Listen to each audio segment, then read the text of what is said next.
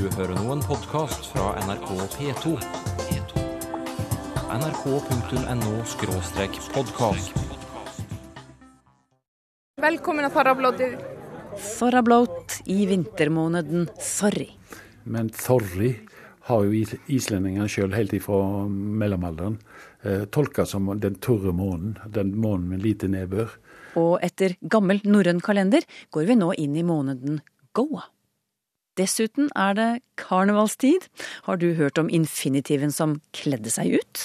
Og hvis jeg nå klarer å argumentere veldig godt for at det her faktisk er en forkledd infinitiv, en infinitiv som har forkledd seg som en eh, perfektum particip, da kan du si at ja, men da må vi ha lov til å skrive òg. Se her, Sylfest Lomheim, et lytterbrev fra Kristin, som spør om gift som i giftstoffer, og gift som i å være gift. Om dette er eh, samme ordet? Ja, det kan du, Kristin, skrive opp. Det er faktisk samme ordet. Aha, hørte du det, Kristin? Følg med utover i sendingen. Hvis jeg spør deg hvilken måned er vi i nå, da vil du nok si februar, men du kan også svare Goa. For i går var siste dagen i vintermåneden Sorry, og i dag er første dagen i Goa. Du finner dem begge i den gamle norrøne kalenderen, som islendingene fremdeles har et nært forhold til.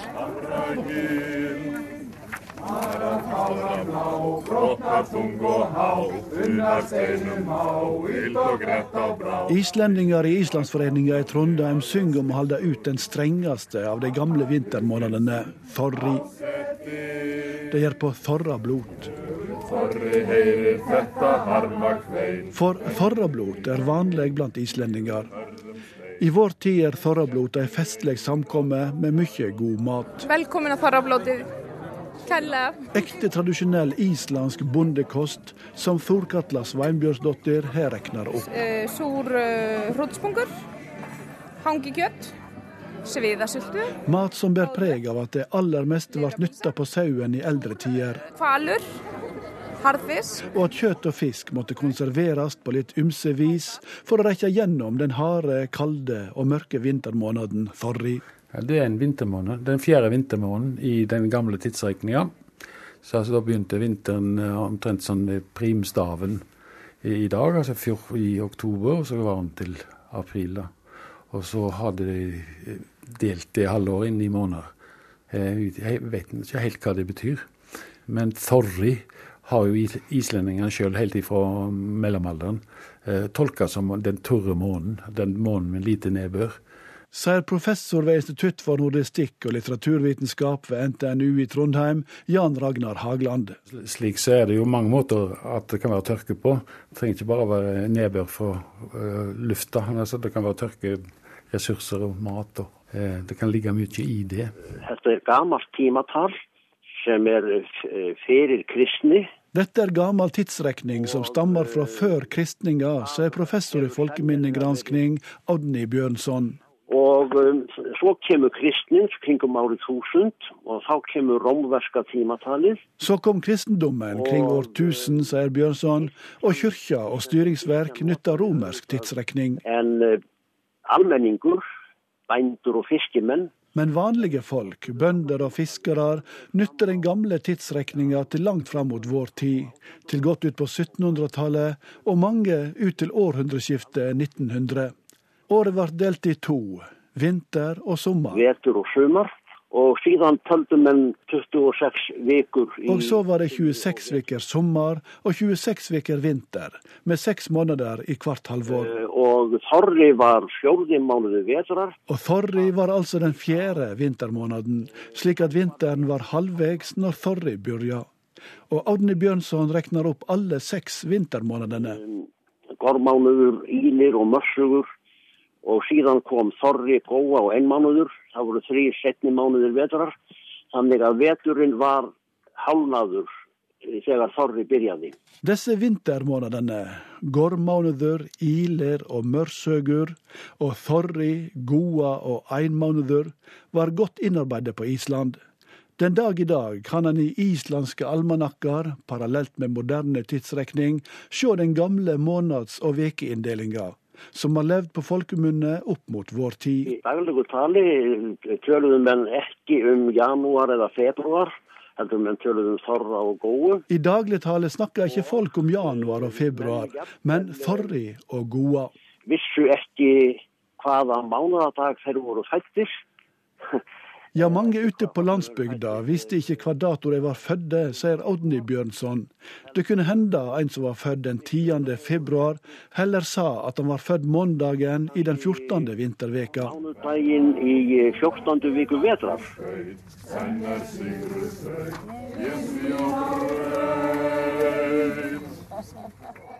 Og som islendingene har tatt vare på språklig tradisjon og tidsrekning, har de tatt opp igjen den gamle skikken med å holde veitsle eller gjestebå i vintermåneden forri. Men selv om det er på Island tradisjonen er holden i hevd, tror Audny Bjørnson det er felles nordisk arv. Jeg held, jeg held at dette skjer felles nordisk. En det er eins og þú veist að um, Íslendingarnir skrifuðu meira. Men som du veit, skrev islendingene mer, og det er skriftlige kjelder for dette på Island. Det er det mindre av i Norge. Disse, disse navnene som du nevner nå, med Thorry og Goi, og, og disse som da er Det er kjent bare gjennom islandsk tradisjon. Vi har ikke skriftlig belegg på dem fra norsk mellomalder. Sier professor Jan Ragnar Hagland.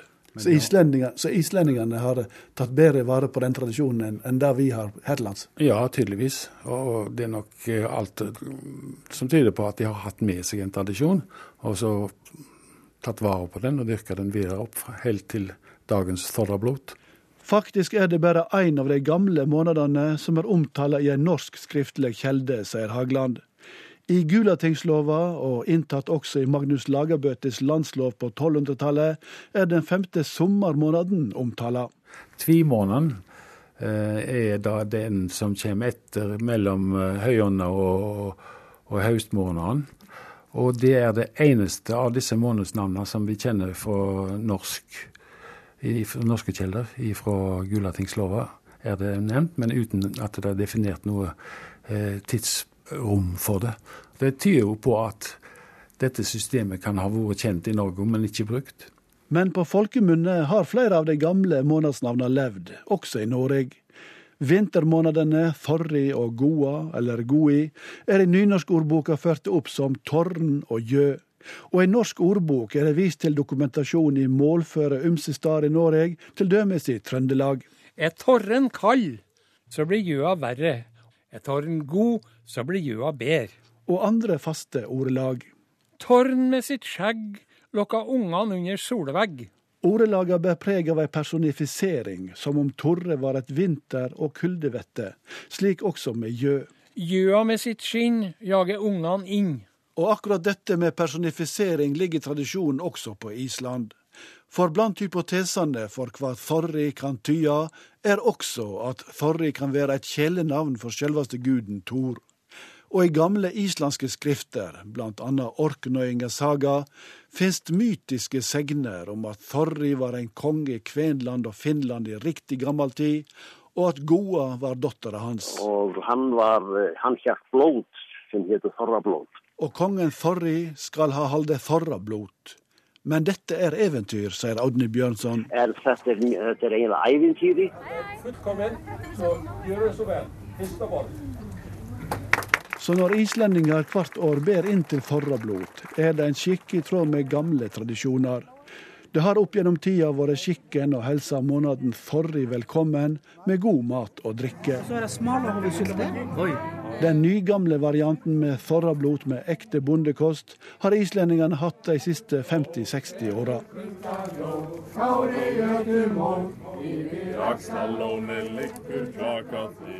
Men når går egentlig måneden forrige ut i år, for å bli avløst av Goa? Det kan variere fra 18. til 25. februar. Audne Bjørnson ser etter i almanakken.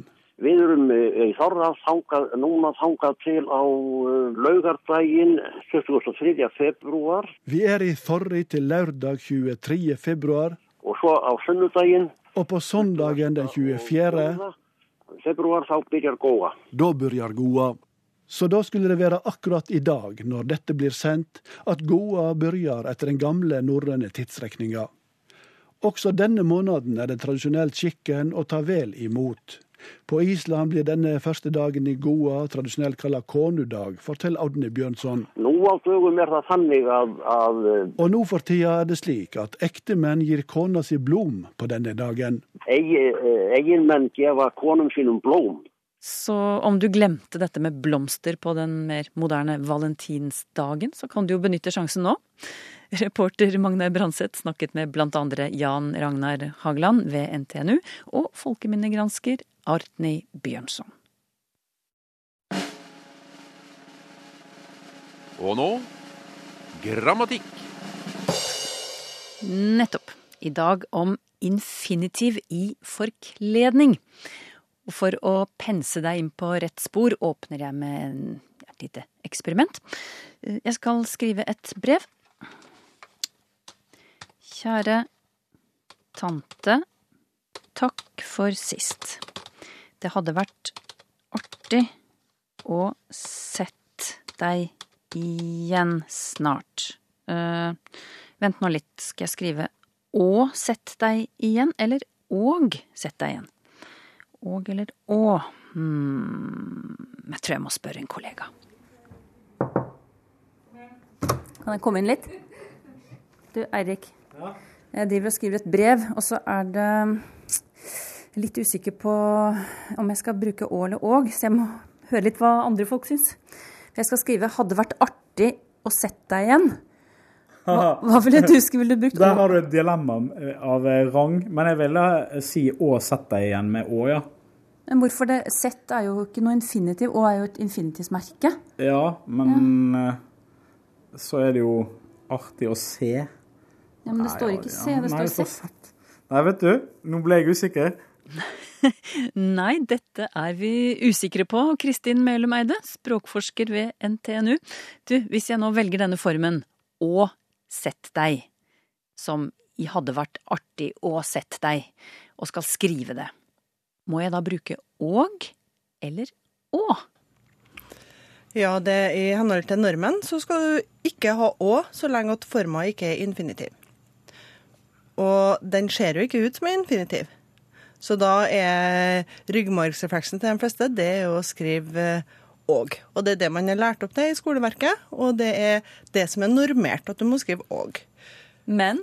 Men så kan du si at det som er, er eh, saken der, det er jo Du har lov til å ha å framom infinitiv.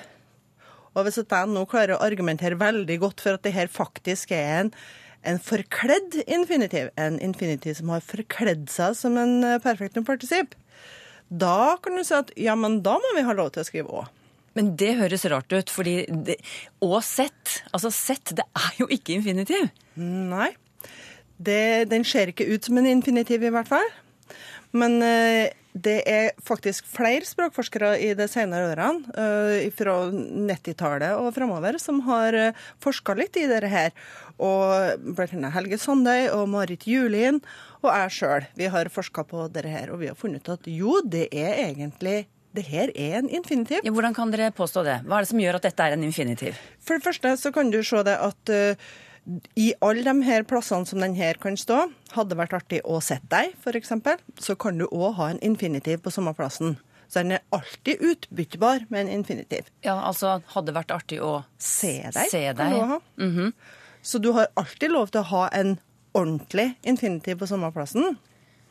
Uh, og det tyder på det at uh, det her er en infinitivsplass. Sant? Den her plassen i setninga er en infinitivsplass. Mm. Men så er det sånn at uh, det, vi har lyst til å behandle det her som en type bøying, verbbøying. Og det handler om det at da vil du gjerne gå på jakt etter hva slags betydning den får i akkurat denne forkledde forma. Og den betydninga den får, det er betydninga det som ikke er. Altså en kontrafaktiv eller irrealis, eller det som er bare tenkt og ikke virkelig. Irrealis, er det på en måte fag... Det er det Ja. fagfolk kaller det, eller? Det er det vi kaller det. For at det I motsetning til realis, det som er, er fakta og sant, så er irrealis det som ikke er sant og fakta, og som bare er tenkt. Ja, hvor, hvor kommer den formen fra, da? Den kommer vel egentlig fra norrønt. For i norrønt så hadde vi ei ega form på vervet som eh, vi kaller for konjunktiv, for å markere det som var bare tenkt. Så, og nå i dag så bruker vi fortidsformer, så for eksempel hvis Og var jeg en sangfugl? Det betyr at du ikke er en sangfugl. sant? Og i moderne norsk så er det veldig mm, frekvent at man bruker 'hvis jeg hadde vært en sangfugl', eller 'hadde jeg vært en sangfugl'. Ja. Og, og da er det sånn at det her, den kontrafaktive lesninga, den som, det her ikke-reelle lesninga, den har du òg med de her infinitivene. Og, og, så er det slik at i veldig mange dialekter så var det sånn at det, den forma som var den her konjunktivmarkøren i norrønt, den falt sammen med perfektum particip. Så det er den samme forma. Så vi kan spore, for, spore forma tilbake til norrønt, rett og slett med denne betydninga.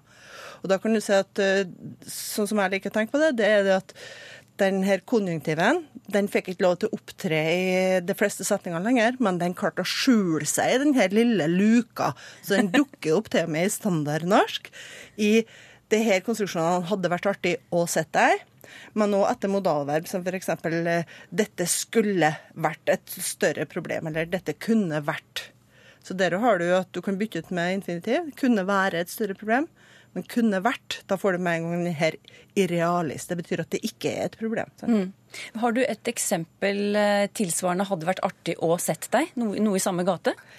Jeg har jo undersøkt det her i, i Nordisk dialektkorpus etter denne typen konstruksjoner, og de finnes over hele landet. Så f.eks. ifra Volda Det har ikke gidda å sette etter. Det er fra Volda. Fra Vardø så sier de jeg kunne ikke tenkt meg å bodd midt i Oslo. Han bor ikke i Oslo. Sant? det er helt uaktuelt er helt irrealt for han å bo i Oslo. Og det er likeens med Syns det hadde vært kult å ridde på en elefant? Det er hele, hele tida snakk om tenkte situasjoner som ikke er reelle. Så denne, denne, nordiske digitale dialektsamlingen den viser at du finner det forskjellige steder i landet. Men er det, er det vanlig å, å, snakke sånn? Altså F.eks. hadde det vært artig å sett deg? Ja, det er ekstremt vanlig å, å snakke sånn. sånn. Og det er faktisk så, så utbredd, og folk har så sterk intuisjon om at det her er en type infinitiv. Sånn at Helge Sande for eksempel, han skrev det at i skolen i Norge så får vi terpa inn det her klassiske synet om at det her er feil konstruksjon, fordi at det skal være hadde vært artig å se deg, eller så må du skrive òg. Og han sier at det her er, her gjør vold på språkfølelsene våre, sier han. For at ellers er det sånn at du oppfordrer unger til å bruke sin egen språklige intuisjon når de skriver.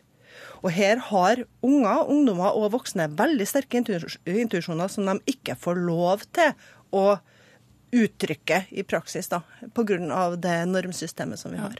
Så, så, i en norsk skolestil, hvis en la oss si, videregående elev skriver 'hadde vært artig og sett deg', så blir det ikke noe rød strek? Nei, da får du korrekt, sjøl om det er i strid med språkfølelser til den eleven. Så det som egentlig er liksom feil etter intuisjon, med 'og', det vil få korrekt. Mens hvis du setter inn en 'å' fordi at det faktisk er en infinitiv, sjøl om den ikke ser sånn ut, da vil du få rød strek under.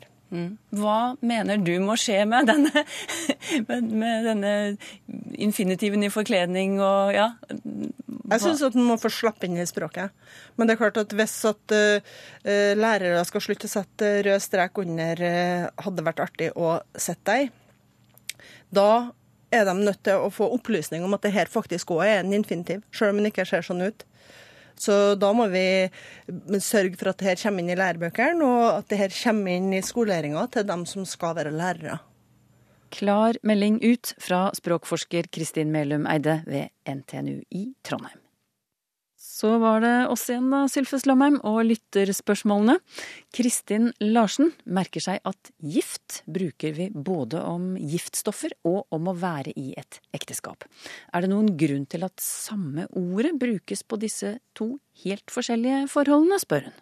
Ja, det kan du, Kristin, skrive opp. Når vi tar gift, og vi kan dø av det. Og eh, det å være gift, altså et ektepar, det er faktisk samme ordet. Og det er til og med samme ordet hvis vi går til engelsk. Er gift som jo er ei gåve, hvis vi omsetter det til norsk. Alt har med verbet to give å gjeva, eller det som er det vanligste på norsk nå, å gi. Både bokmål og nynorsk. Fordi at eh, når eh, det blir inngått ekteskap, historisk sett, så blir kvinna gjeven til mannen. Så det er kvinna som historisk sett blir gift. Hun blir gjeven. Uh, og det engelske ordet er gift er jo helt opplagt. Det er danna av to give, altså ei gåve.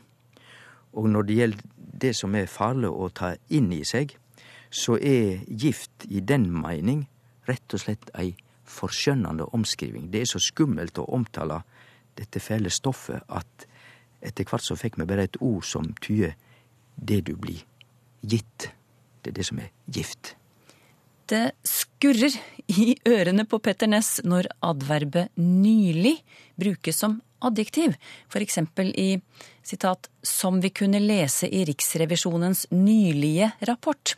Det er fristende å bruke nylig slik recent brukes på engelsk, skriver Petter Ness, men på norsk har vi vel strengt tatt ikke noe tilsvarende recent report. Så hva, hva bør vi skrive da?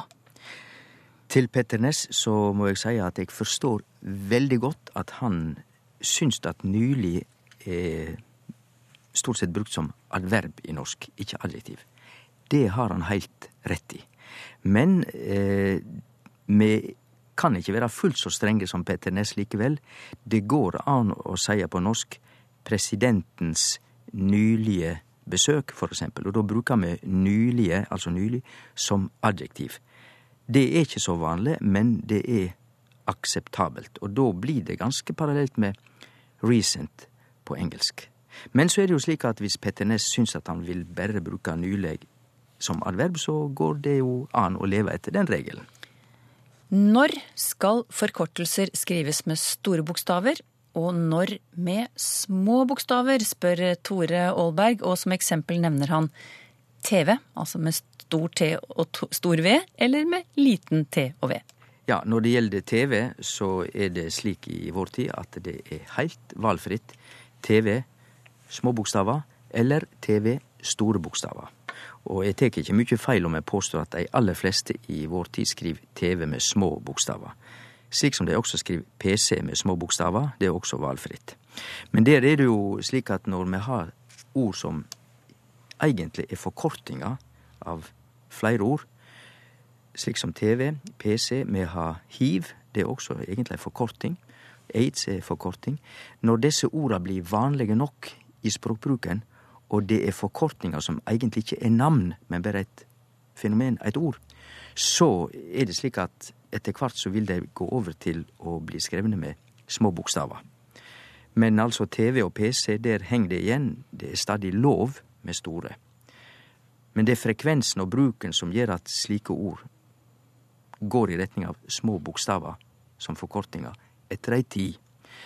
Men så kan man gå over til et annet område, for store bokstaver, og det er forkortinga som står for navn, slik som LO og NRK og Nato, og også Nav. Der er reglene slik at når vi uttaler forkorta ord med bokstaver, slik som LO, vi sier ikke LO, og vi sier NRK, vi sier ikke NRK, da skal vi bruke store bokstaver hele tida. NRK med store bokstaver. Men hvis det forkorta ordet blir uttalt som om det var eit ord, altså Nato er jo et forkorta ord, North Atlantic Treaty Organization, men der har vi lov til å skrive stor N og resten små bokstaver. Grunnen er rett og slett uttalen. Når vi uttaler det som et ord, så kan vi skrive det med små bokstaver etter den første store bokstaven. Så i ord av typen Nato gjer uttalen det valfritt om vi skriver alt med bare store bokstaver, eller bare stor bokstav, den første i det forkorta ordet.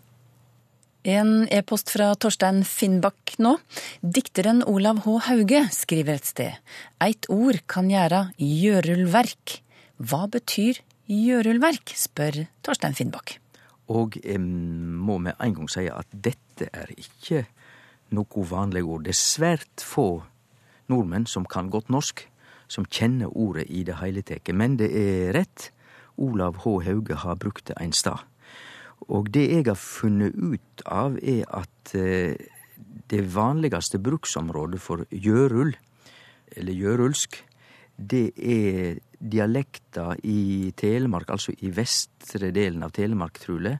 Og det er jo da er det bare kort vei over fjellet til Indre Hardanger, så det kan jo være forklaringa på at Olav H. Hauge har brukt et så sjeldent ord. Hva betyr så gjørul?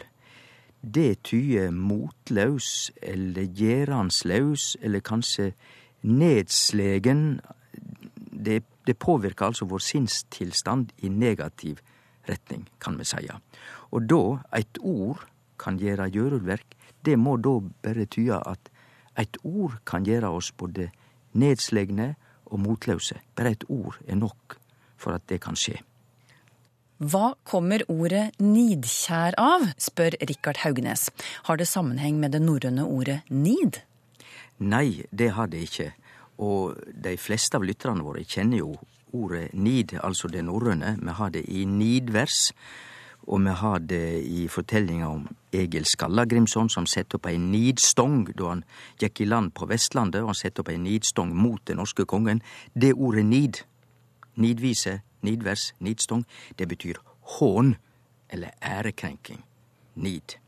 Men nidkjær, det har nok et litt anna opphav, eh, og vi kan jo ta eh, kjær først.